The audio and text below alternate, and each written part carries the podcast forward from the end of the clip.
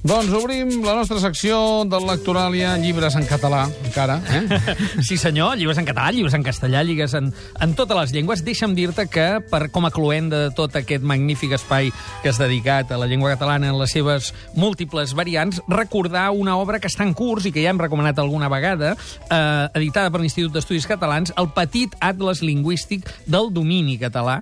Eh, L'últim que vam presentar aquí és eh, el volum tercer, això és del dialectòleg el doctor Joan Beny, menorquí, mm -hmm. i com vam veure, doncs, eh, hi ha una mostra d'usos lingüístics en tot l'ampli ventall d'àmbits, i com es diu el campanar, doncs, eh, eh, en uns llocs que es diu campanal, en d'altres que es diu campanar, etc etc. És un llibre molt gràfic, és un atles, en definitiva, és un mapa d'aquests que molesta de vegades quan treuen els homes del temps, no? i sempre hi ha interpel·lacions Home, imagina i quina plegat. potència econòmica i Sí, política esclar, esclar. Tindria la unió d'aquest territori lingüístic.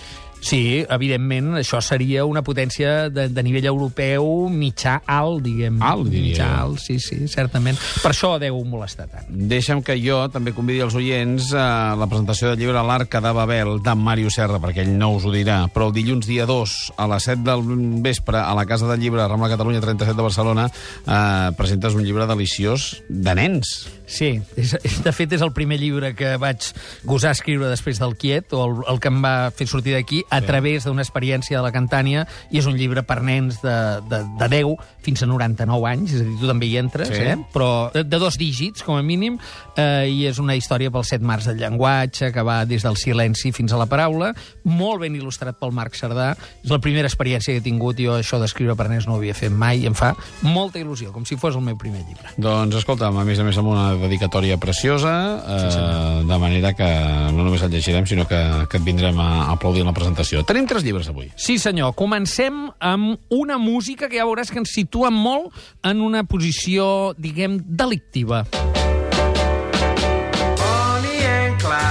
Home, la balada de Bonnie and Clyde. Sí, cantada per al mític Bruno Lomas, eh? Vale. Pensis que estem anant com eh, molt lluny, eh?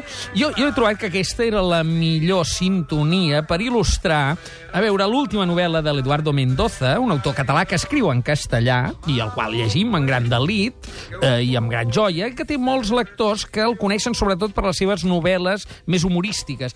Aquesta es diu El enredo de la bolsa i la vida. Això ha sortit a Seix Barral i és una nova de aventura d'aquest detectiu, diguem, anònim, eh, que mai no té nom ni és descrit, però és el que ja satiritzava doncs, a la societat seva a El misterio de la cripta embrujada, Laberinto de les aceitunes, L'aventura del tocador de senyores.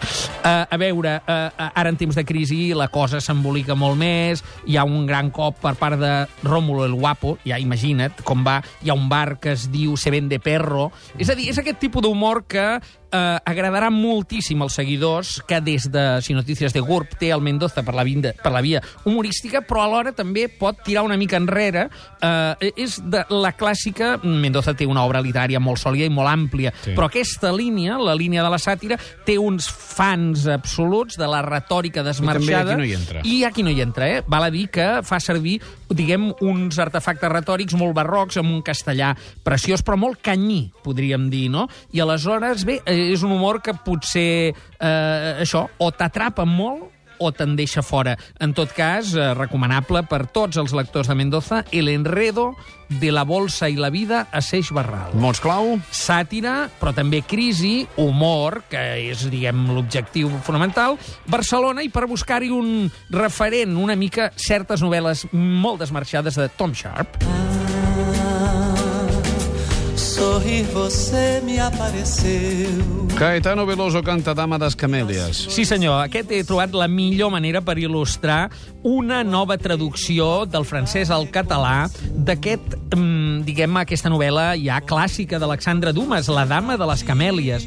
Eh, La traducció és de la Lídia Anoll, és una traducció que funciona, que llisca molt bé, està publicada per Ades i Ara, una editorial petita que cada cop, diguem, va prenent més eh, importància, més, més presència a les nostres llibreries, i dir-vos que, clar, La dama de les camèlies, quan la gent sent Alexandre Dumas, pensa en els tres mosqueters. Uh -huh. Aquest és el fill, eh, el fill d'Alexandre Dumas, fill bastard, és a dir, fill il·legítim, que va viure sempre eh, sota aquest estigma eh, de, de, de no ser un fill propi, de l'ombra de son pare, i que va escriure, diguem, obres d'àmbit romàntic, no? Aquesta és la història famosa de la Margarita Gautier, una puta de luxe, que de sobte emmalalteix de tisi, però mm, de la qual eh, eh, té un amor impossible amb un jove burgès, no? L'Armand Duval. És una història romàntica, d'amors impossibles, el que seria una mica el, diguem, Romeu i Julieta entre els clans, sí. aquí és entre classes socials, no? I amb la moral de l'època i tot plegat.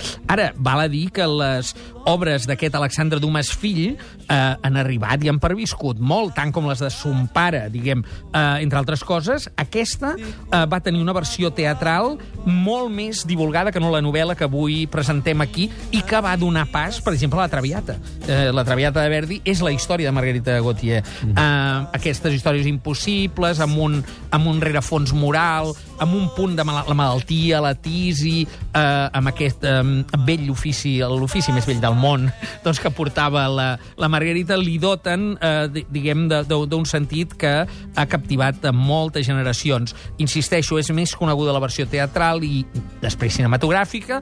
Aquí tenim la novel·la en traducció eh, del francès al català, una traducció molt bona de Lídia Anoll, La dama de les camèlies, publicada per Adesiara. Mots clau? Avui aquí és amor i impossible, és a dir, és un mot que va conjunt, eh, diguem, eh, però també prejudicis entre els ben pensants, que són els que, diguem, eh, responen a l'amant de l'Armand Duval, però maldients, eh, que assenyalen amb el dit i aquesta noia no era de fiar. Sepan aquellos que no estén al corriente Los fantasmes del Roxy, Joan Manuel Serrat. Sí, senyor. Aquí eh, t'he de dir que eh, el llibre fullejat d'avui és una, podríem dir, una raresa, un localisme que vaig eh, trobar l'altre dia en una llibreria d'Horta i va, va, vaig entrar del, del meu barri. Los cines de Nou Barris. Dic, què, què és això?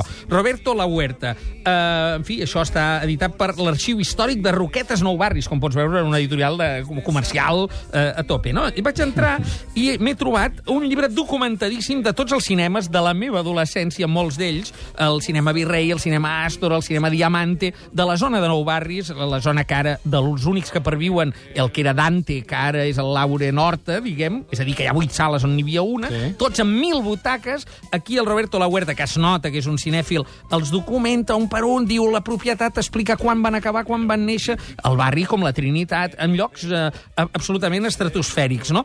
I jo puc aportar una dada, jo crec que el periodisme sempre està bé que s'aportin dades. Sí. Aquí hi ha una presentació per part del Ricard Fernández i Valentí, cap de documentació de l'Arxiu Històric de Roquetes Nou Barris. És l'única part que està escrita en català, crec, eh, o en fi, la, la introducció. I el Tomàs Fernández Valentí, eh, també sí. coordinador del Dirigido Por. Molt bé, aquí s'insinua i es diu que corria un mite, i és que el cinema Astor del Passeig de Fabra i Puig, en els lavabos, eh, hi corria droga.